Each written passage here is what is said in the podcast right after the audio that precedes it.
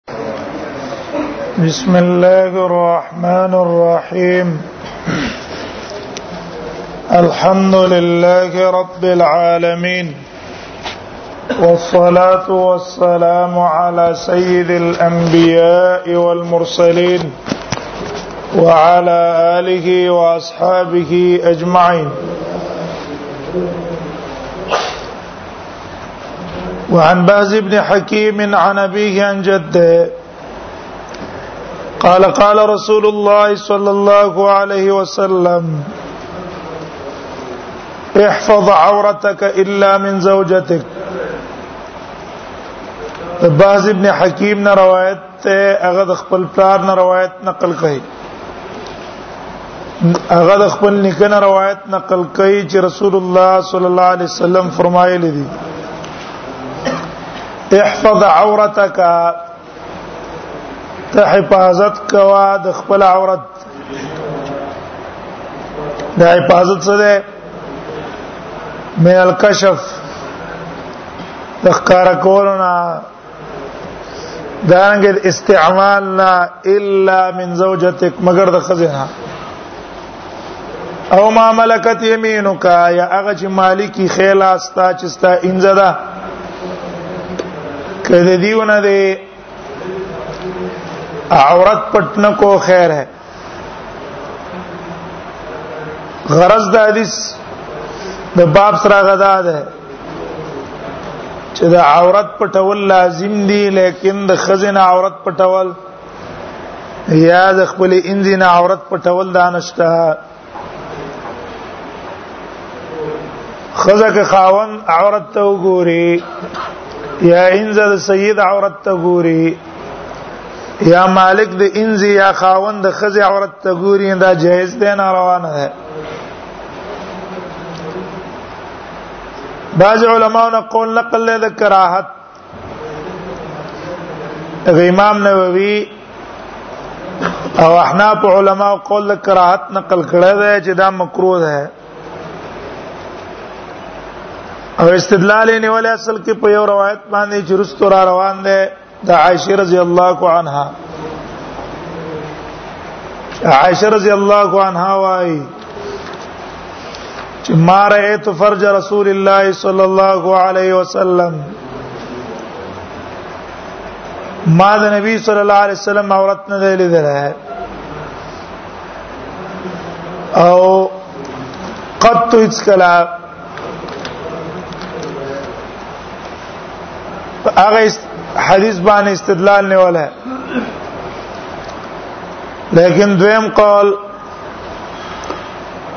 هغه راجح دی په اعتبار د دلایلو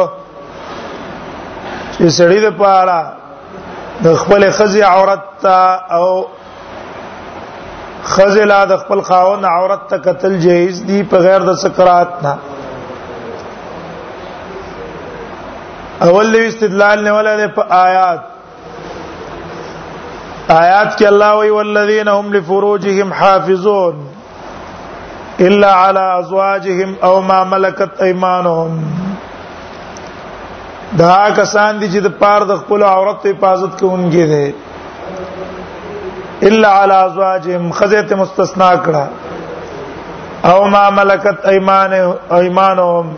انځي ته مستثنا کړي مگر د خزونه او د انځونه د عورت د عورت حفاظت نه کوي آیات دلیل شو په دې چې خزه او خاوند یو بل عورت ته قتل شي دویم استدلال په دې د اسبان دینه والا ہے رسول الله صلی الله علیه وسلم فرمایلی دی احفظ عورتک الا من زوجتک او ما ملکت یمینک د خپل عورت حفاظت کوا مگر د خزینه او یا د خپل انزنا خیر دا غین عورت حفاظت نشته درم ابن حبان رحمه الله استدلال نه ولې په حدیث د عائشه رضی الله عنها چې كنت اغتسل انا ورسول الله صلى الله عليه وسلم من اناء واحد و ما رسول الله صلی الله علیه وسلم به یو لوخین لمبر ابن حبان د استدلال په دې طریقه نه ولای چې عطا ابن ابي رباح اگر هغه او نبی صلی الله علیه وسلم د عائشه رضی الله عنها ته پوسو کو ته ویل چې اے موره زتانه د یو مسلې ته پوس کومه خو مال حیا راځي عاشر جران هاو ته ویلا چې مشر میګا ز استاد مور پشانه الګ د مور نه دار خبره ته پوس کړي ها عطا او ته ویلا آیا سړی لا د خپل خزي عورت ته ایا خزر د خاوند عورت ته قتل جایز دي کنه عائشه رضی الله عنها رضی الله عنها غي ویلاو كنت اغتسل و ما او نبی صلی الله علیه وسلم په یو ځل لمبل من بدوانه جنوبانو چې په یو لوخي سړی لامبي په یو ځل لامبي خامخا په یو بل به نظر لګي کنه بلګي یو بل به نظر لګيږي نظر جائز شو څلورم استدلال دیونه ولا ده پر روایت د ابن د عثمان ابن مزعون المطالب العالیه کې ابن حجر راوړل وی ویلا چې اې د الله نبی زه دا خوخ غنم چې د خپل خځې عورت ته وګورم ولیکن مال حیا راځي د دینه چې خځه د زما عورت ته وګوري نبی صلی الله علیه وسلم تو فرمایله چې لا تفعل امکوا ودي ګوري دي کې توله حیا کوي زم د قص کوما ور دین معلوم شو جواز النظر نو کوم قول چې د کراهت ته دا قول کمزور دی احفظ عورتك الا من زوجتك حفاظت کو د خپل عورت مگر د خزنه او ما ملکت یمینو کا هغه چې مالکی خی خلاص تا انزدا قلت یا رسول الله وی ما او تیرې د الله پیغمبر فرایت اذا کان الرجل خالیا خبر را کله چې سړی ځان لځه کې ناستینو بیا عورت کار کول له جایز دي کنه قال نبی فرمایل فالله احق ان یستحیا منه الله ډیر حقدار دی چې دا غنه حیا وکړي شي ځان لځه کې کناسه د الله نه حیا پکار ده دا غنه حیا وکړی شي والله احق ان یستحیا منه رواه ترمذی او ابو داود او ابن ماجه سمانا غرض دا دی چې ټیک د تزان نه ناشته د خلکو نه لیکن الله خودی نه کنا د الله نه حیا په کار دا ټیک د موږ د الله نه په جامو کې هم دنه نه پټیګو جامو کې هم دنه د الله نه پټیګو نه ولیکن موږ ته چې شریعت کې ویل دي اق ظاهري اسباب به استعمالو فالله وحق ان استحيا منها ابو بکر صدیق رضی الله عنه کې بارک راضی هغه یو ځل ویل اے خلقا استحیو من الله تاسو د الله نه حیا کوئ فوالله وی قسم په الله وی زچ مل اذهب الخلا او د سماعت لاړ شم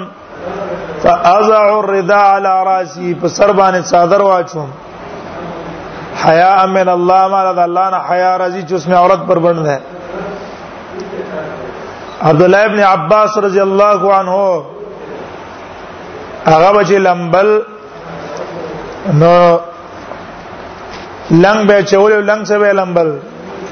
غره د عورت څنګه کار کوم ابو موسی شری رضی الله عنه په پناسته لمبل پناستا ابو تیارزه کې به لمبل ځان لبمو ناس پمو مال حیا راځي چې ما عورت دې شي دا د کار شي او چت خلق او چت ایمان والا خلق الله حق ان يستحيا منه رواه الترمذي وابو داود وابن ماجه حدیث نه مسله یو وروته سړی د خزي عورت ته او خزي د خاون عورت ته قتل جایز دویم ته دا معلوم چې ځان لزه کې به ضرورت ته بربند کې ناستلم جایز نه دی ولې دا الله نه حیا کول پکار دی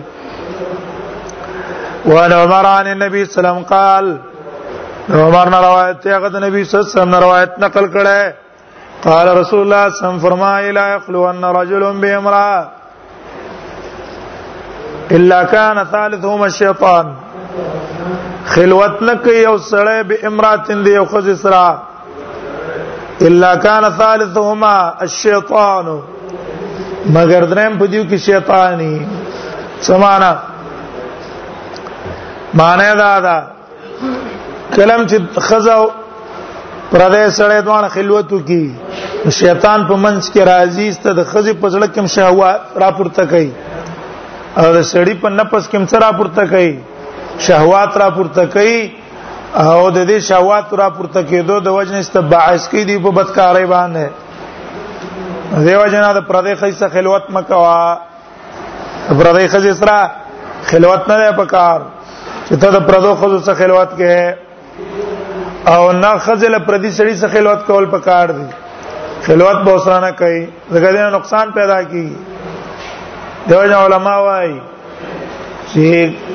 خزې سره خلوت نه کوي اگر کته ته تعلیم ولې نه کوي وین قال علمه القرآن دی وې زه ته قران ور خیمه هم خلوت په پردې قصانه کې دي نه ټول فساد ولاړی غرض د حدیث څه شو منع الخلوه بالاجنبيه د پردې خځې سره خلوت کول دا ناروا دي ځان له بوسنه کېنه په خلوت صورتونه تماویلو ځان له کوټه کې کېدل ځان لګاړي کې اوسه کې ناستل غاړي کې اوسه ځان لکې نه رشکه کې اوسه ځان لکې نه دارنګه دا صورت د موبایل هم ده به ضرورت په موبایل باندې څه خبره کې هغه ځان لا دام ځان نه ناشته او خبره کوي دا ساره سے شیطان دې دا نقصان ده افسادونه اوس راغلي دي مخکې با چا به خبرې چا سره شو کولای وس یو ځکه کې نه پټ ځکه او بل سره رابطه کوا څوک په خبرې ګم نه څوک په خبرې ګم نه په غیر د خاصه شبکې والا نه دا یو فتنه ده کنه یو فتنه او فساد راغله ده وانه مارا وعن جابر عن النبي صلى الله عليه وسلم قال جابر نے روایت تے غد نبی صلی اللہ علیہ وسلم نے روایت کئی قال رسول اللہ صلی اللہ علیہ وسلم فرمائی لا تلجوا علی المغیبات تاسو مو ورځي هغه زنانو باندې چې غایبون کی خپل خاوندان لرا ولوج دخول ته وای ورتل ځان لا ورتل هغه زنانه چې خاوند دی غایب دی د مغیبات قید ولګاو د پاره د مزید قباحت کني هغه زنانه چې خاوند غایب نم دم نه په ورځي ولکه نه فتنه پیدا کیږي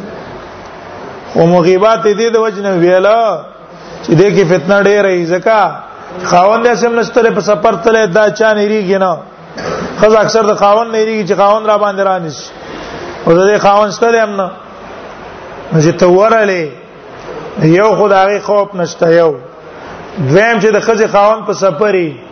نه کېدې شي دی وخت ډیر تر شوی دی باعث په شهوتي څه په باعثي شهوت په باعثي نو د دې اختلاف د وجنه څه پیدا کیږي دغه څه پیدا پیدا کیږي نو مانع هم پورته ده او باعث هم په شهوت او په زنا ده زګه په مور ځای فإن الشيطان يجري من أحدكم مجرى الدم زګه شیطان د یو تن تاسو نه فإن الشيطان زګه شیطان يجري من الإنسان دا رواني په انسان کې مجرى الدم مجرى الدم یو معنا ده ده هغه زید تللو د اینه کې معنا دا شو لکه ګورز بنګ په دې رګونو کې اینه چلیږي لیکن موږ پاغي باندې پوي ګنا رګونو کې نه ځکانا روانه ده یو اینه یو رګونو باندې ورزي پاکي په نورو رګونو باندې زی په دې اندامونو باندې ترشح کې چنکاوی کیږي پیدا ته اخلي همون به پوي ګونه دغه څه شیطان هم تعالی راضي دي زیانه چې سره وپیږي نه سره وپی ویږي نه شیطان بدل راشي او فتنه کې ودی واشي یجری من احدکم مجرى الدم یوم انا ذا زید یو تن تاسو نه پاغزه د تللو د اینه کې دویمه معنا یجری من احدکم مجرى الدم رواني یو تن تاسو نه مجرى الدم تر تللو د اینې پورې انسان کینه چې کلم چلیږي تر هغه وخت به شیطان د پسې لګیدلې پریدي نه پریدي نه معنی دا د څوک دی دا اونوي چې مړه ز سپینګیره سړی ما خیر کما د خپل څخه خلوت کو ته چل نه ده یا یو تر مړه ز استاد ما زسیما استاد ما مدیر ما محتمم ما خیر کما خلوت کو څه خبره نه ده نه چې تر څو پوری ان در کې رواني شیطان دې بری دینه ګډام بری دینه مولام پریدینا بوډا سه بوډا شیطانی ځوان سه ځوان شیطانی ورکوټی سه ورکوټه شیطانی مولا سه سه مولا شیطانی او دا پیرسا پیر شیطانی هر چا خپل خپل شیطانی کنه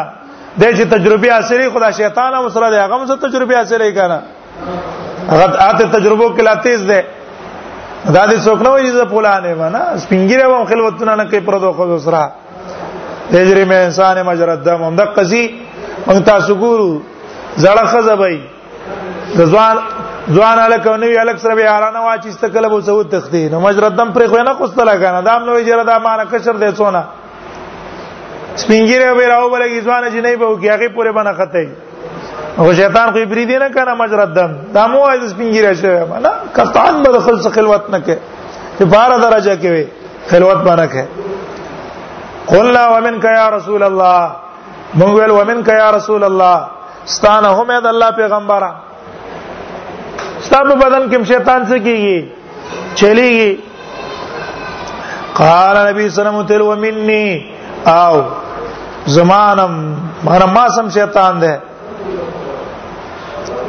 ولكن الله اعانني عليه فاسلم لیکن الله ما سره مدد کړی ده فاسلم ذکر احتمال لا ده چې دا صيغه د ماضي ضمیر په کې راځي د شیطان ته ماضي صيغه ده غائب ضمیر په کې راځي د چاته شیطان ته ولكن الله اعانني عليه لیکن الله تعالی ما سم مدد کړې په مقابله د شیطان کې فاسلم انو د شیطان څخه کړې ده سلام راوړل یا فاسلم صيغه د واحد متکلم دا د مضارع صيغه د واحد متکلم دا د مضارع ولكن الله اعانني عليه لیکن ما صلی الله مدد کړې ده په مقابل کې فاسلم نو زبچ ساتل کېږم د دینه د سکه کما د د اغوان بچ ساتل کېږم فاسلم ز بچ ساتل کېږم ددانا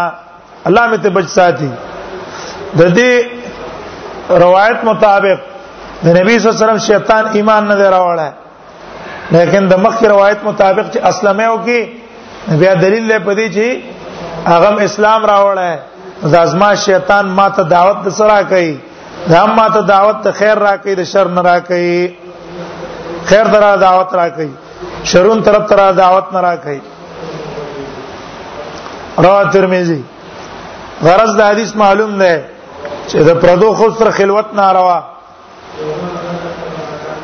دویم د حدیث ته معلوم شو الله شیطان لدا تسلط ورکړی دی چې هغه د انسانانو په اینه کې ګرځي را ګرځي معتزله دې نه منکر دي لیکن اهل سنت والجماعت په قائل لې او دام ابتلا د ابتلا او دې بنده هم په شیطان هم او درېمه مسله د حدیث نه نام معلومه شو چې د نبی صلی الله علیه وسلم شیطان ایمان کې داخل شوی او اسلام راوړیو نو دا هغه شیطان مسلمانو رسول الله صلی الله علیه وسلم ته دعوت ته خیر به ورکاو معلوم شو دا چې په شیطانانو کې ایمان راوړون کې مشتا اسلام کې داخلي دن کې مشتا دیو جن علما وای کم پیران چې په اسلام کې داخل شي دا غن نسب د ابلیس نه کټ شي آدم علی السلام څخه کیږي او کم انسانان چې کافران دي هغه ته ابن آدم نه ویل کی د نسب د چا څخه پیوسته کیږي د شیطان او د ابلیس څخه پیوسته کیږي وانا نسن رضی الله عنه ان النبي صلی الله علیه وسلم اتى فاطمه بعبد فضوابه دا انس روایت ته وی نبی صلی الله علیه وسلم راغه فاطمه ته بعبد غلام باندې ریوړ فاطمه ته غلام قد وهبه لها چې هبه کړو نبی صلی الله علیه وسلم دا غلام فاطمه ته فاطمه خدمتونه کول کارونه به کول رسول الله صلی الله علیه وسلم یو غلام هبه کو فاطمه ته چې دا بارني کارونه لدا غلام کړي وعلى فاطمه ثوبا فاطمه رضی الله عنها باندې ثوبن یو جامه ولنډي لنډي جامه وا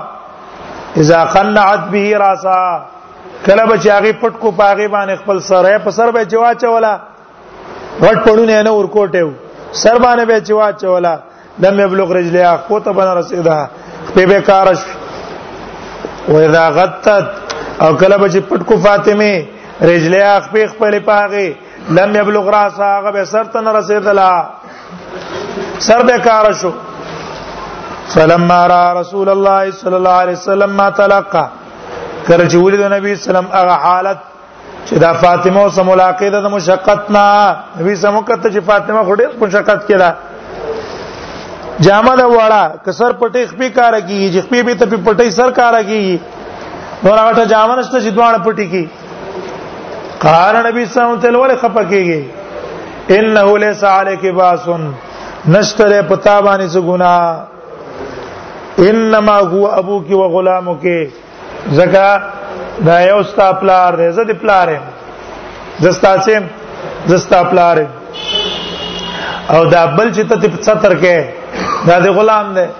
پلار نه ستر نشتا پلار لا د خپل لور محاسن او تکتل جایز دي مواضع الزینه تکتل جایز دي کنه ولا یبدین زینتهن الا لآبائهن او ابنائهن او دا بل غلام دی او غلامو کې رواه ابو داود غرض د حدیث څه ده غرض د ترجم د ترجمه الباب سره د حدیث مناسبت دا دی چې زنانه د پاره مواضع زینت کار کول جایز نه دي مگر پلار ته کار کول شي او یا غلام ته کار کول شي پلار ته یا غلام ته مواضع زینت دا دا وسله اختلافي ده د علماو منځ کې چې آیا سید لا دا جائز دي چې هغه مواضع د زینت خپل غلام ته کار کوي او آیا غلام لا جائز دي چې هغه را اولګي د خپل مولا ته مواضع د زینت ته وګوري دا ول جائز دي کنه دا مسله اختلافي ده یو مذهب د امام شافعي رحمه الله امام شافعي دا غي مذهب دا ده او دا تقریبا د اکثر علما او ده اغي وای چې د غلام د پاره د خپل مالک سیدی مواضع د زینت ته قتل جایز دی هغه چې د کم ډول ډال زینه دی لاسونو ته مخ ته وګونو ته سر ته دا کتل له جایز دي غدا مواضع زینه دي کنه ولا جایز نو دقه سي د سید له دې کار کولم جایز دي امامل عبد دی استدلال یو نیول ده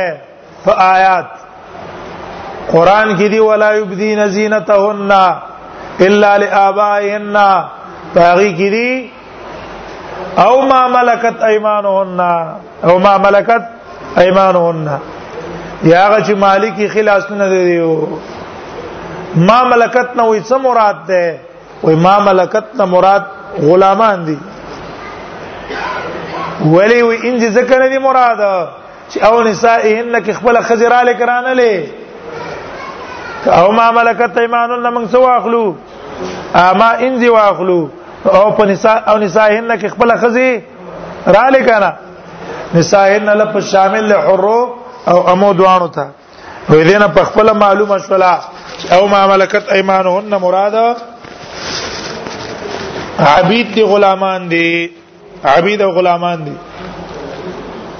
زم استدلال دی نه ولا ده په حدیث د ام سلمہ رضی الله عنها کتاب العتق کې براشي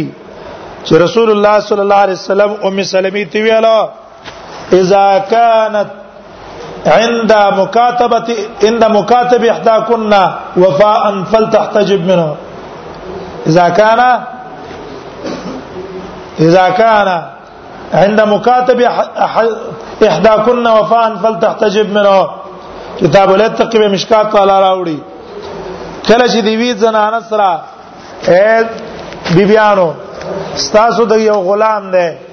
دا غي غلام سره مکاتب کړم ده او دا غسر وفا شتا ماندونه پیسې او تشتا چې هغه تعالی درکې نو تبه ته څه کفل تحت جيب منو پرده به ته کې دا پرده فل تحت جيب منو د دې مفهوم مخالف څه شو چې کله مکاتب نه وو یا وفا سره نه وا ستنه شتا حجاب هم تنه شتا فل تحت جيب منو دا معنا شو کنه دریم استدلال په دې حدیث باندې کړه دې حدیث باندې رسول الله صلی الله علیه وسلم تسویل ليس عليك باس انما هو ابوك وغلامك خیر کته دا سر پټ نکو په دې سر پټول پتا ګنا نشتا زکه دا ستاسو ده انما هو ابوك وغلامك دا ستا پلارم دی دا ستا غلامم دی نور دا غیر پارم دلایل شته دویم مذهب دا احناف علماء ده احناف وای وای د خزي غلام دا پردې ده پردې پردې سره ده ان مالک لدا جایز نه دی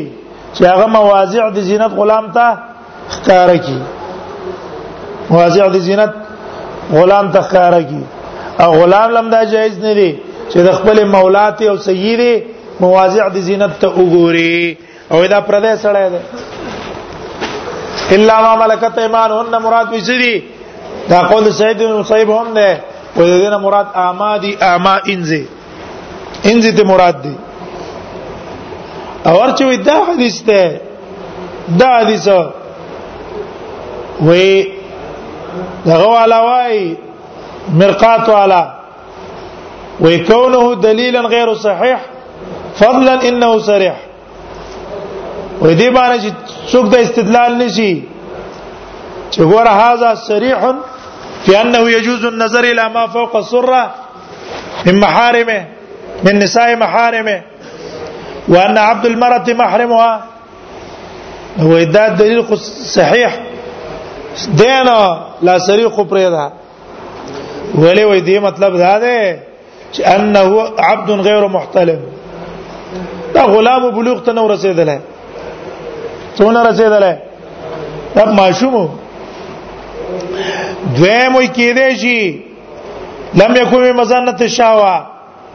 یا غټو خو لیکن اول الاربه کیو کنه چا کې داخلو غیرو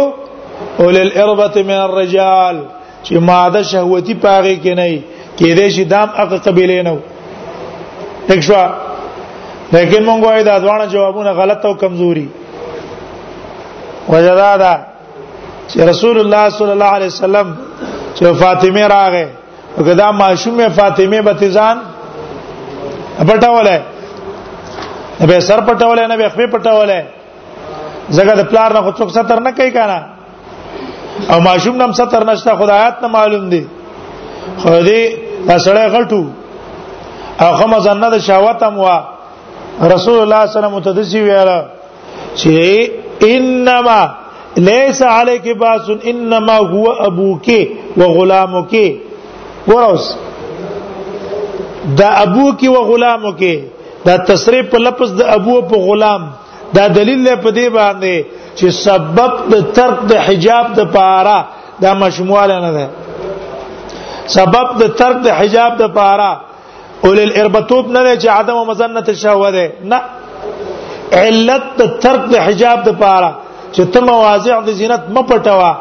وجه دا ده چې داغه کې علت څه ده په یو کې ابوت ته چې غزیما او په دې بل کې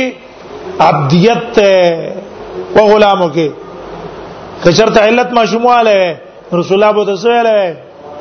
انما هو لا باس لكنما هو ابوك وصبي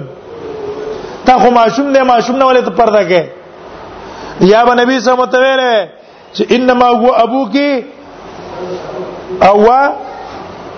غیر اول الاربه من الرجال او دا بل چې ده غیر الاربه من الرجال له رسول الله صلی الله علیه وسلم هغه ونویلا بلکې رسول الله صلی الله علیه وسلم تصریح په خبره باندې وکړه هغه تاسو یې فتنه ته ولاړېږي نو فتنه خبره جدا ده فتنه چې ولاړېږي فتنه چې ولاړېږي یو پلار غلط سړی دی غلط ډېر بدبختان پلاران د لوریان نه غلطه مطالبه کوي دا مسلې موږ تراغلي دي ډېر خبيسان نشتا نو چې دغه خبيس پلاری دا غره ممسکه دا لور به ځان ساتي څه به کوي لور به ځان ساتي دا فتنه خو جدا خبره ده ورور دی ورور شریعت په پرده ته مکوا خو په یو بستر کې به نه سملې دوه خويندې په یو بستر به نه سملې ولی فتنه ته ولاړېږي فتنه جدا خبره ده او چې فتنه پکې نه و حکم شرعي دقه ده چې خیر سیدا خپل غلام څه کولای شي مواضع د زینت ته تکتل شي رواه ابو داود دا حدیث امام ابو داود نقل کړی دی الفصل الثالث عن ام سلمة ان النبي صلى الله عليه وسلم كان عندها ام سلمة روایت رضی الله عنها ان النبي صلى الله عليه وسلم كان عندها وې نبی صلی الله علیه وسلم د دې په خوا کې دا په غزوه طائف کې نبی سم چې طائف غزوه لته له الته په غزوه طائف کې خیمه والے وا دې خیمه کې ام سلمہ مو نبی سم هم ناشتو او د دې ام سلمہ رورمو عبد الله هغه مو عبد الله ابن ابي اميه نو وفي البيت مخنث او په دې کور کې مخنث یو جینوټار مو مخنث چاته وای اجلاء ته څوک یو څوک د جینوټار وای ور یو خنثا مشکل لګه جدا خبره ده یو دا د سیده چې د سړی خو خوینه او عادتونه د خزو کوي پس داغه پشان لباس تیار کړي داغه پرنګ جامې لا تیار کړي لاسونه داغه پشان سره کړي شونډې داغه پرنګ سره کړي لاسته د خزو ګوتې اچولې بنگړي لاسته اچولې دا د خزو زینت کوي کنه او دا مخنثین چې ګوره دا ډېر شي دي نن سبا ته دي ډېر مخنثین دي نن سبا اکثر لباس دې چا جوړ کړی د خزو وس علما وایي دا مخنث دوه قسمه ده یو هغه دی چې عادتا او طبعا الله د قصې پیدا کړی خو یې د قصې ده نو دا سره چې کوم دی مکلف نه ده اسی ته دغه بوله ورکه ولیکن د خو عادت الله چې پیدا کړي او یو تن د سي د سي چې هغه راولګي د خوینه عادتونه کوي په خپل دغه باندې طلب باندې کوشش چې دا کوي دا خو عادتونه ځان کې پیدا کی نو د سړی به شړې نبی صلی الله علیه وسلم شړلې عمر رضی الله عنه د قصې مخنث شړلې هو فی البیت مخنث نو په کور کې مخنث وو د دنم هی تو هی تا هی یی تی هی تا چې دا ناس تو فقال عبد الله ابن ابي اميه او په خیمه کې عبد الله ابن ابي اميه ته ویل اخي ام سلمہ چې دا د ام سلمہ رضی الله عنها ورورو یا عبد الله اے عبد الله ان فتح الله لكم غدا الطائفه کله تاسو ته طائف سبا فتح کو کله تاسو سبا طائف فتح کو علاقم گرفتار کړه ځکه طائف محاصره وو خو به دې پتا کړه نه دی واپس شوی دي دي نو ته څوکا فإني أدلك على ابنة غيلانا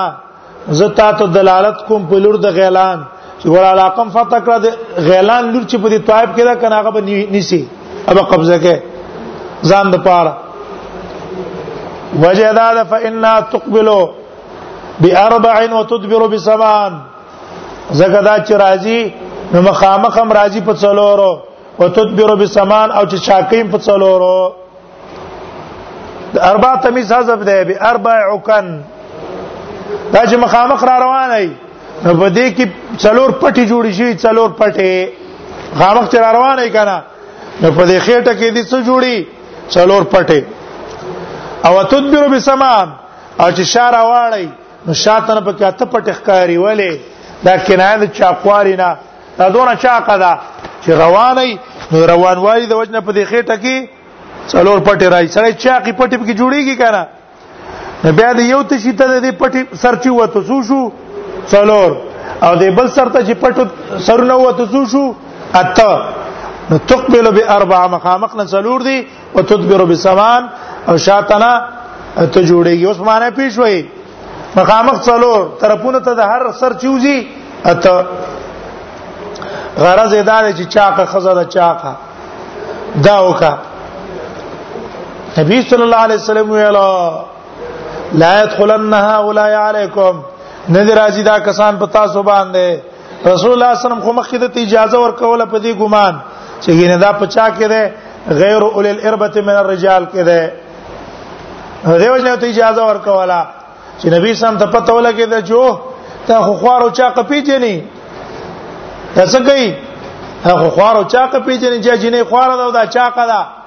او دا خسته دا ډولی دا دا بدرنګ دا دا خو ته یو کار شته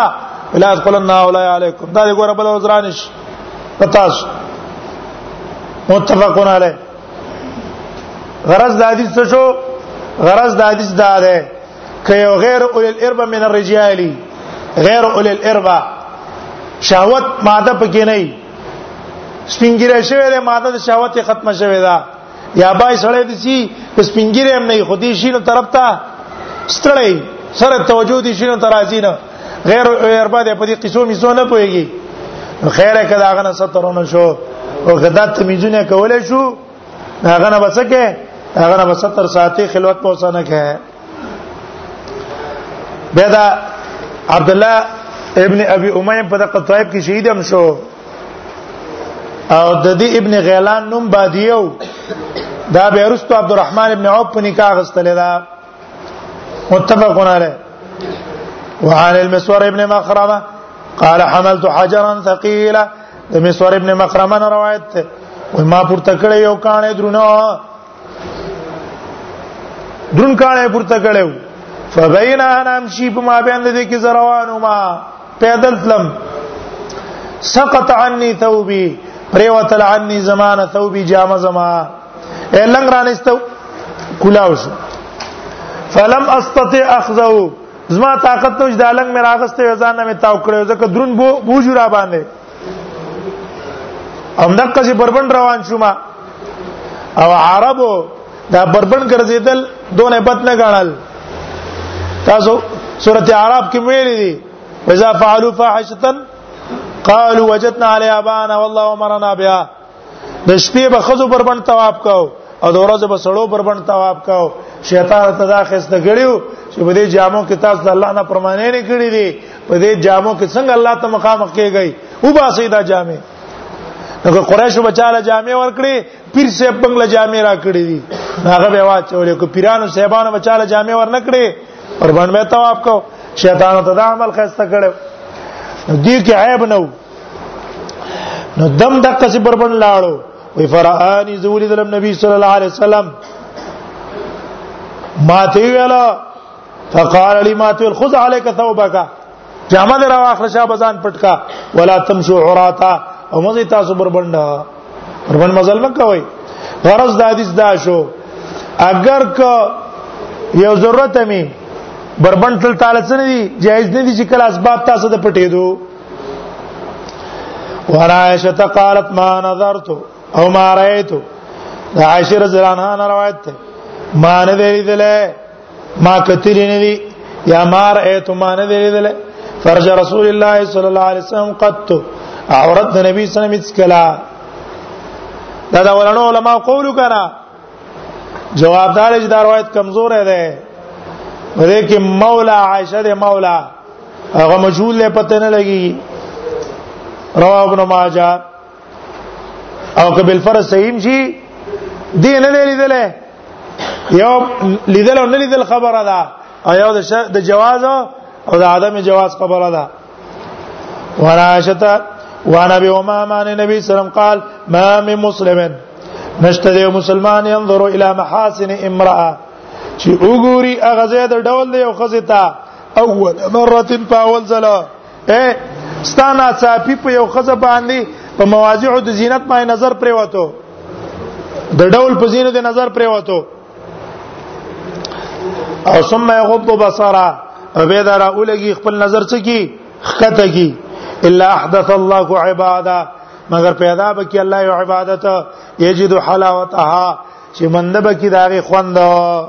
ولی جزاء من جنس العمل کنه جزاء من جنس العمل دیرا اولګیدلو د ډولی خزیت نه مخ اړول دا انسان ته تکلیف ورکړي دا سخت دی کنه یو جنې دا ډولی خستا او ته ته ګوره او ته د الله د رضا د پاره تیس ته مخ واړې دا ګران کار دی دی د کې تریخواله نو د شکل دا تریخواله برداشت کو دا غي په عوض کې الله دې تصور کړلو حلاوت ولور کو ایمان کې او عبادت کې به حلاوت او خوند ته ملاويږي یو نه پردو خو ته چې قتل د عبادت او لذت او خوند به تانه څه کیږي ابدا نزي رواه احمد وعلى حسن مرسلا قال بلغني حسن روایت ته مرسل مرسل تاسو ته معلوم نه چې تابعی په ذکر نشي دا صحابي په ذکر نشي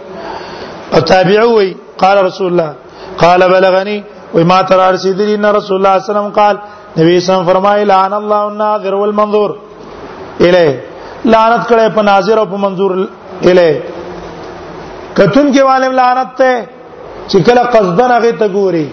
او منظور باندې لعنت ته څوک معنا یو سړی د عورت کار کړی دی خو په غیر د عذر نه دا ملعون دی یو سړی د عورت کار کوي د ضرورت په بنا ښکار دی څو سره چې پټي کی نو دا ملعون نه دی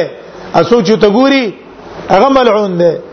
ها اسباب د سجده نه پټه به دواړه لعنتین دي دغه څه خزره راوته ده ځان ډولې کړه له بار ګرځي را ګرځي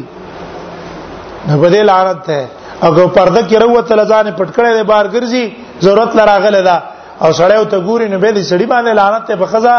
لعنت نشتا رواه البيهقي في شعب الايمان امام بيهقي په شعب الايمان کې دا روایت نقل کړی دی